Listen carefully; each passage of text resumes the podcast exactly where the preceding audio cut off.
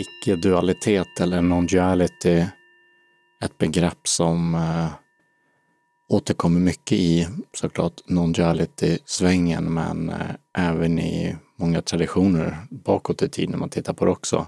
Jag tänkte här försöka utforska lite grann vad det kan tänkas betyda och vilken eventuell relation det kan ha för oss själva i våra egna liv också. I en eh, mer praktisk mening, inte bara som en eh, idé.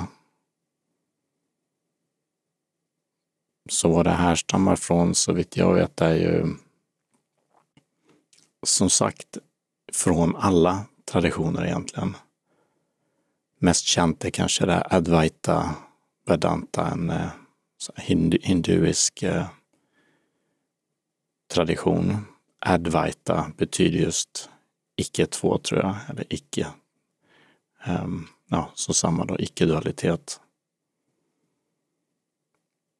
Men det finns i, på olika sätt i, i många, för att inte säga alla traditioner, andliga, religiösa, spirituella traditioner.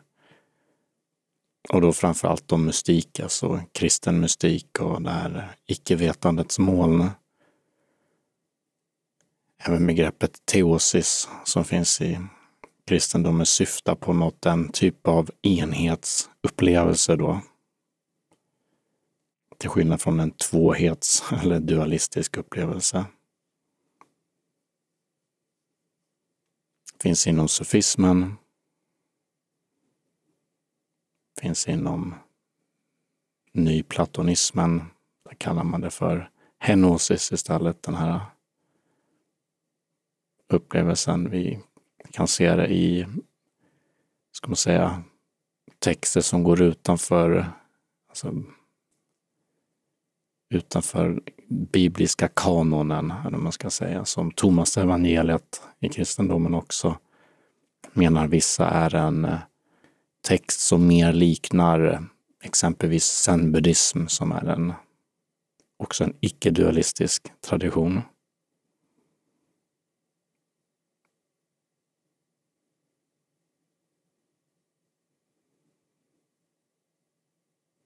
Men det är inte så mycket, inte så superintressant att hänga upp sig vid de här eh, olika begreppen och eh, olika traditioner. Men jag tänker det finns ett visst värde i att se hur den här idén om någonting som går i någon mening bortom vetandet också, bortom det vi kan förstå, bortom orden, bortom för ord i sig är ju till sin natur, som Wittgenstein och andra noterat, dualistiska såklart, för varje ord beskriver någonting. Och de måste ju då per definition särskilja det från någonting annat. Annars har det ingen mening. Om alla ord har betyder samma sak så finns det ingen användning för dem. Och när vi säger saker och när vi tänker generellt så är det alltid dualistiskt. Så det mänskliga tänkandet i sig är dualistiskt. Ord, språket och det är ju i mångt och mycket i ord och språk och som vi tänker. Det är starkt präglat och format av det ja, lingvistiska systemet och, och språket. Det är så vi kommunicerar och det är så vi tänker. Så när traditionerna pratar om någonting som går bortom eller kommer före eller inbegriper, men ja, hur man nu vill tänka kring det. Någonting då som inte riktigt eh, går att fånga i, i de här orden eller i det här tänkandet som som sagt till sin natur är dualistiskt. Det skiljer alltid ut. Även när vi använder de här begreppen som, ja, som enhet. Det är också i relation till icke-enhet. Så det är också det dualistiskt. Även begreppet självt, icke-dualism, blir ju och får också bara sin mening i motsats till dualism. Så även det är ett dualistiskt begrepp, precis som alla begrepp är dualistiska.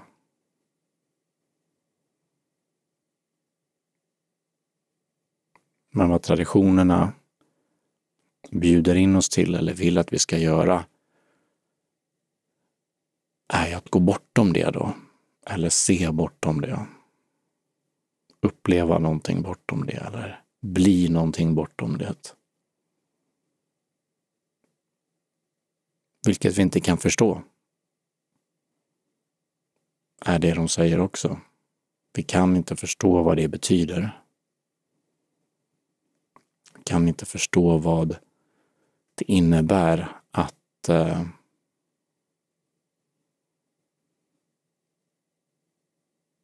bli icke-dualistiska.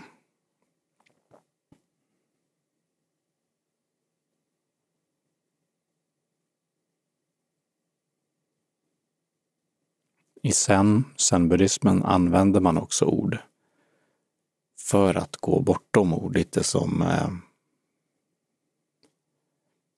jag tänker på den här bilden om, om någon har en törn eller tagg i benet eller något sånt där, att man kan använda en för en till sådan för att få ut den.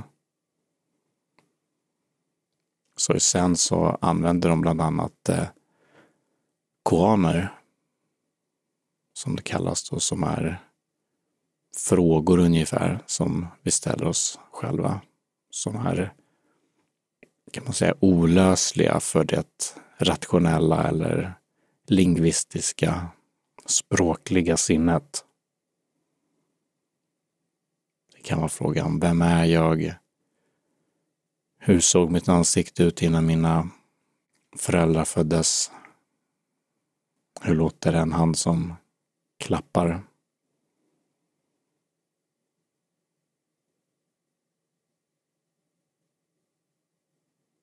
Vad är det här?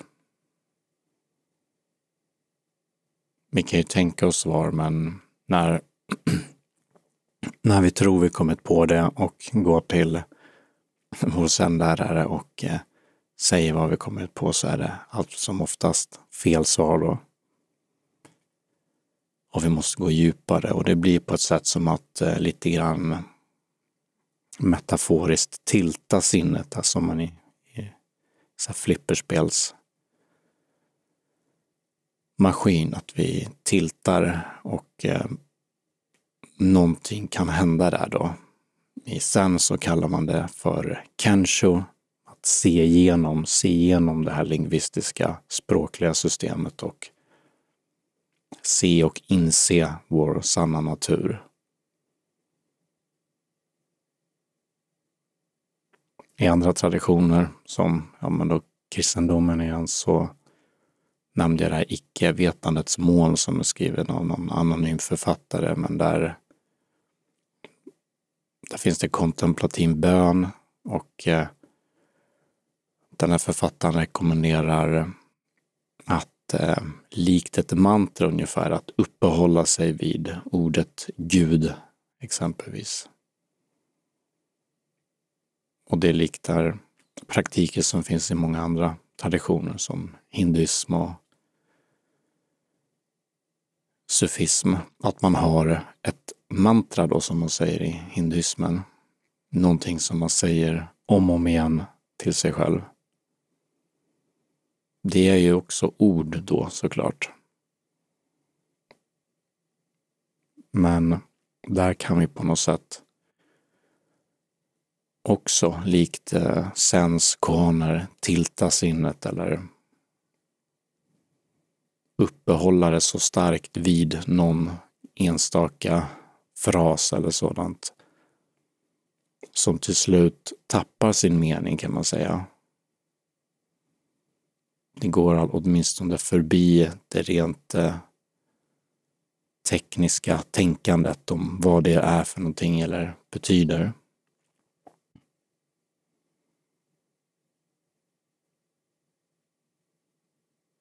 Och även där, beroende på tradition, om det är kristendomen då får erfara Gud eller i eh, islam eller sufismen, Allah och så vidare.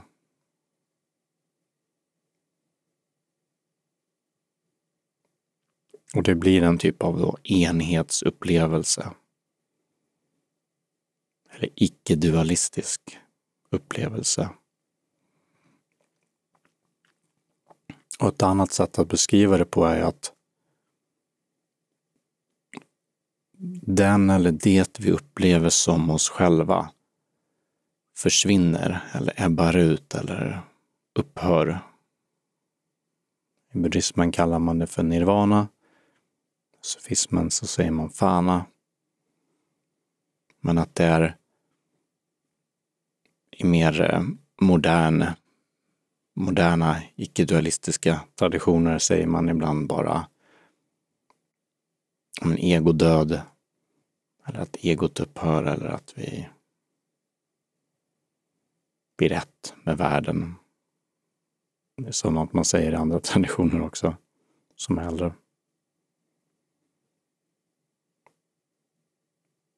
Men dualismen är inte bara ord som vi säger, utan det är även att jag är här och världen är där. Eller jag är här och du är där. Så vi har ett subjekt och objekt. Och en enhetsupplevelse eller icke-dualistisk upplevelse har inget objekt eller subjekt. Utan allting är då en sak bara.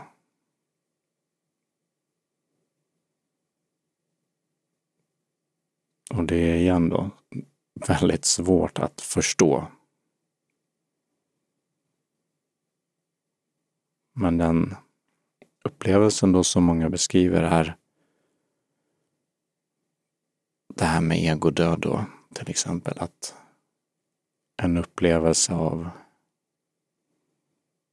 att den eller det som vi tog för oss själva var identifierade med levde som och genom upphör. Och om vi själva upphör går det att tänka sig att vad är det som är kvar då?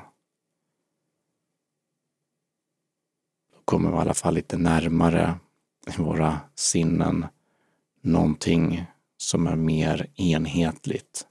Där det inte finns du och jag. För att åtminstone det vi var identifierade med har upphört. Och någonting nytt infinner sig då. Så igen, kärt barn har många namn. Ska det vara Buddha-naturen, Jesus medvetande, Brahman, din, ditt ansikte före dina föräldrar föddes.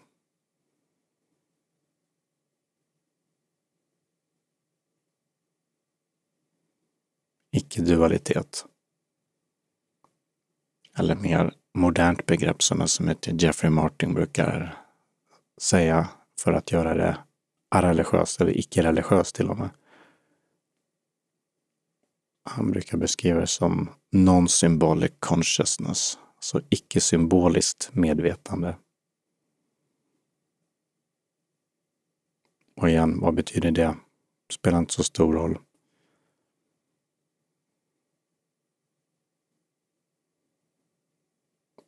Ett annat sätt att tänka på det för att eh, ja, men, försöka förstå det som inte går att förstå. Så eh, om man bara tänker på hjärnan och eh, den mänskliga organismens utveckling så har vi gått från att vara ja, men, encelliga organismer och till flercelliga och, och vidare. Och reptiler och olika grejer och däggdjur och och man kan se de här äh, stadierna i hjärnan. Och de senare, senare åren, den mm, sista delen av vår utveckling, so far, hittills, är ju prefrontal cortex och eh, nyare delar då. Neocortex säger man ofta. Nyare delar av hjärnan som bland annat in, innefattar då det här lingvistiska självsystemet och jaget. Och det är ganska nytt och var ett sätt att se på vad som händer i meditation, vad som händer i de här mystika andliga upplevelserna är att vi, som jag sa, tiltar eller att vi frikopplar det systemet. Vi går och i någon mening dra tillbaka. Dra tillbaka det till någonting som var innan då. En mer, en mer, en mer ren upplevelse. Antonio, Antonio Damasio, en eh, hjärnforskare, skriver i boken Self comes to mind om den här processen och talar om ett proto-själv. Bland annat. Som en upplevelse av ett jag eller ett själv som inte är det vi normalt upplever som mänskliga varelser. Utan det som, om vi hade varit medvetna som tidigare ut, alltså mindre utvecklade organismer gissningsvis hade kunnat uppleva då.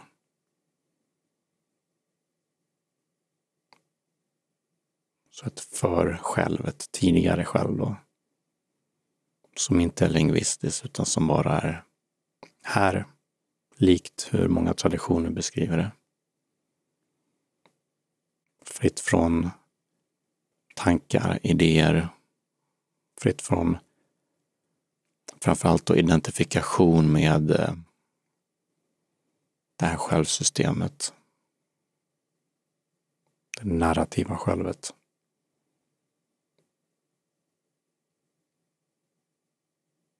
Och vissa kallar den upplevelsen då för Gud. Eller buddha-naturen.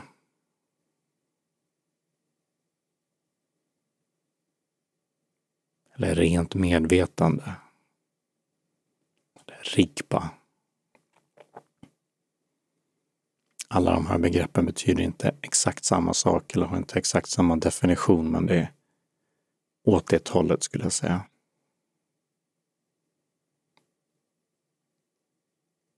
Och det är spännande att det finns så många traditioner runt om i hela världen som har alla dessa ord och begrepp för det.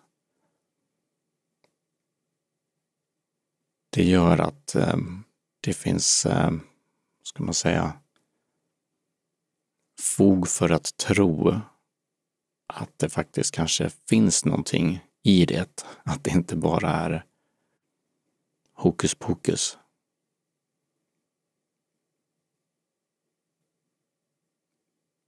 Jag minns en eh, jag tror det var Jordan Peterson, den här lite kontroversiella psykologen, professorn, eh, men som har tittat på bland annat det här då.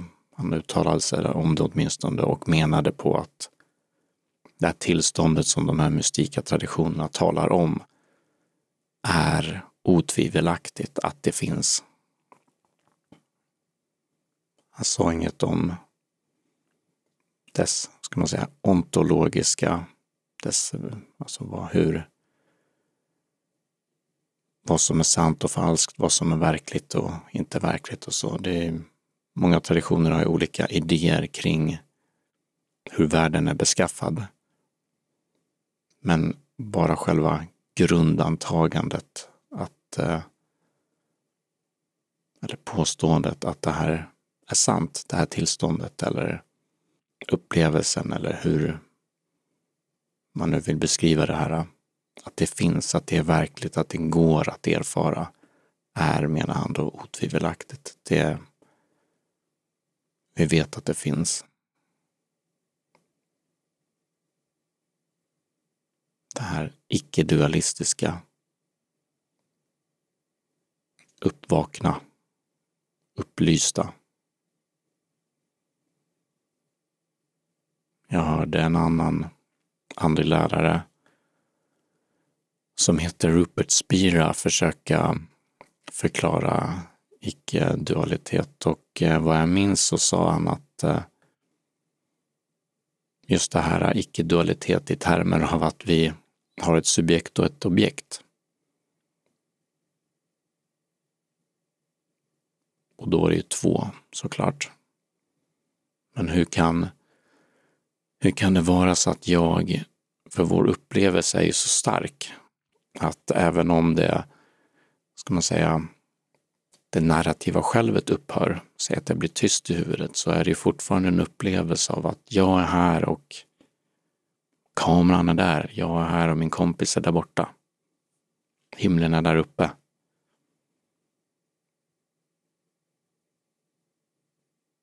Hur kan det vara separation? Upplysning och icke-dualitet och så vidare ska ju vara icke-separation.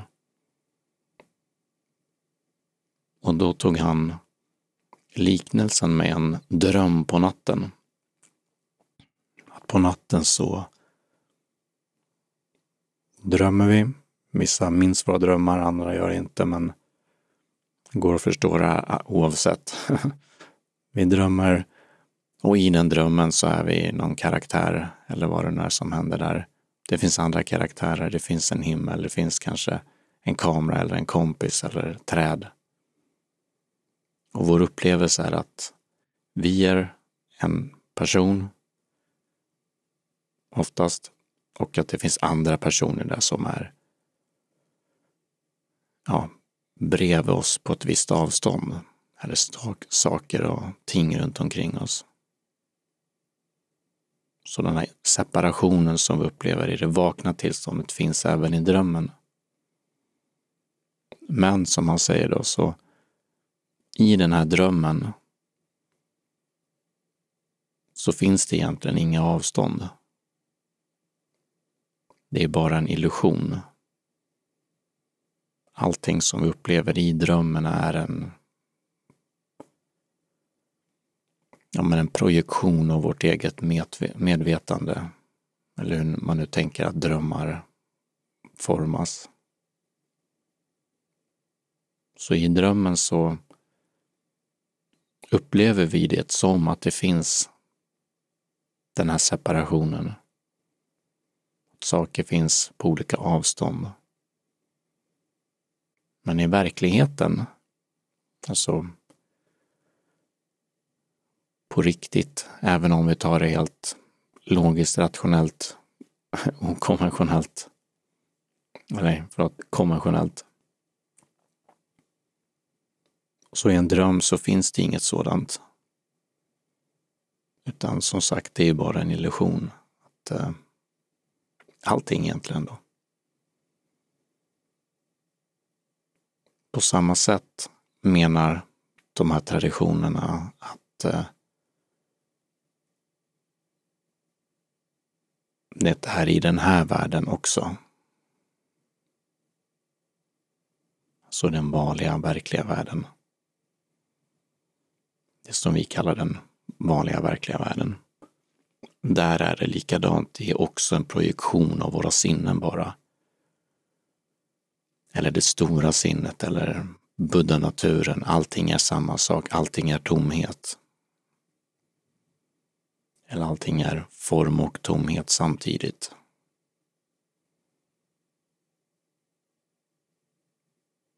The two truths doctrine som finns i kommer Madhyamika-skolan tror jag, Nagarjuna i buddhismen då.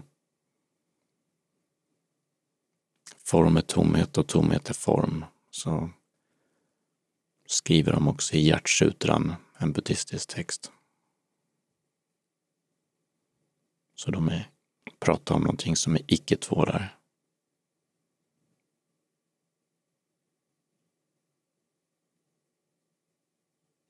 Och det är någonting som dels kan vara en idé då som vi pratar om, eller som jag pratar om nu. Men det kan också bli en direkt upplevelse. Så att det faktiskt intuitivt känns som att det är en sak. Som att världen är en sak. Som att den här upplevelsen just nu är en sak, en projektion av vårt medvetande. Eller det blir svårt så fort vi sätter ord på det och det är,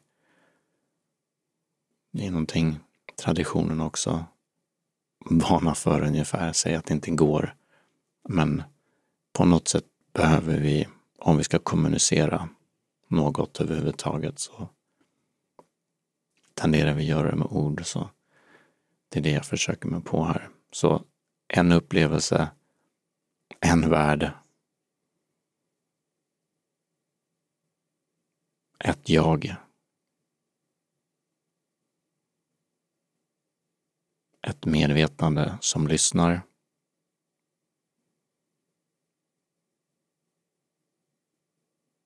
En kärlek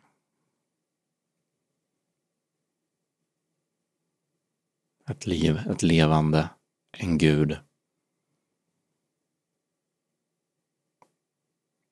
tror jag sa det, men ett, ett medvetande.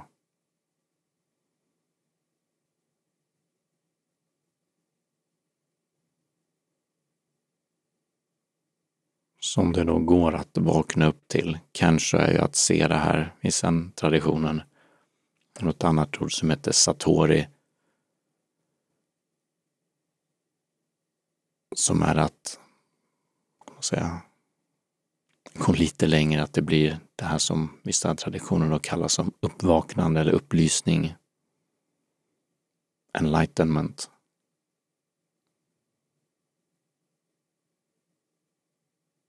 När vi blir klara.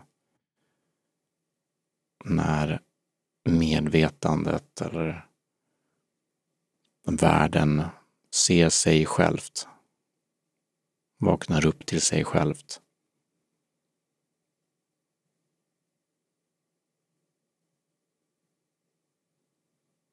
Eller där det narrativa självet dör ut och eh, eh, i, om man vill ta det här äh, Antonio Damasio-perspektivet, äh, titta fram.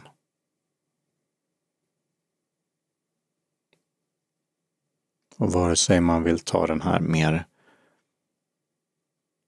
rationella, icke-mystika, sekulära kanske, vägen att tänka kring det. Eller någon av de andliga traditionerna eller religionerna så är det i mångt och mycket eh, en likna, likadan upplevelse. Så även ateister upplever detta på det sättet. Men kanske beskriver det på ett annat sätt och tänker annorlunda om dess innebörd. Men även en ateist får och kan uppleva enhet eller icke-dualitet. Sen så påpekar de just det här med att eh, även enhet då är ett eh, dualistiskt begrepp som i hjärtsutan igen, vi i slutändan går bortom även det. Vi går bortom även enhet. Till någonting som inte går att uttryckas. Kristendomen pratar man om den apofatiska teologin. När vi bara tar bort allt, alltså vi kan bara säga vad Gud inte är. På liknande i, i Nagayuna som jag nämnde och Madhyamika skolan. Och skrev om något som man kallar för netti netti, inte det här, inte det här. Som liknar då den apofatiska teologin i kristendomen.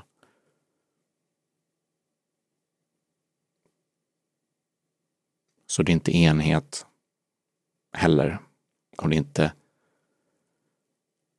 icke-enhet och det är inte båda samtidigt eller någon mix.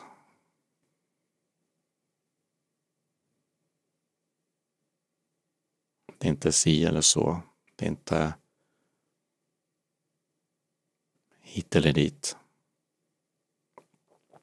Hjärtsutran, avslut, hjärtsutran avslutas med det här äh, gatte gatte paragatte parasangatte, Bodhisattva, att vi går bortom, bortom, bortom, ännu mera bortom. Osunderbart.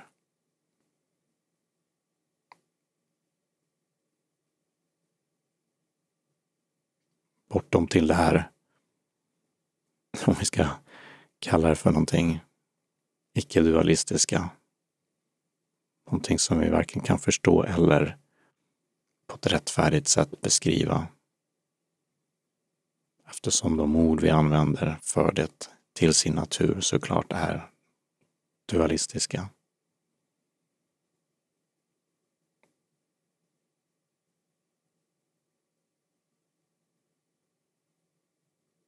Men någonting som vi kan vakna upp till. Inse. Bli vän med. Älska.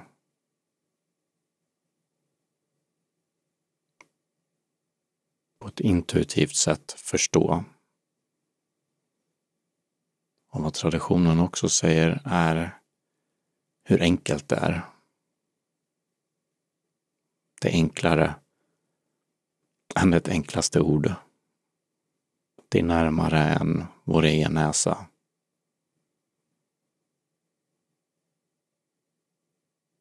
Det är vad vi är från början. Det är någonting som kommer innan, eller alltid funnits.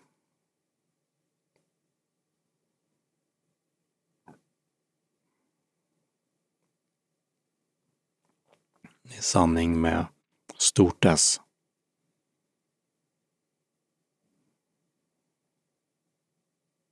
Det är vad vi alla längtar efter. Det är vårt eget hem.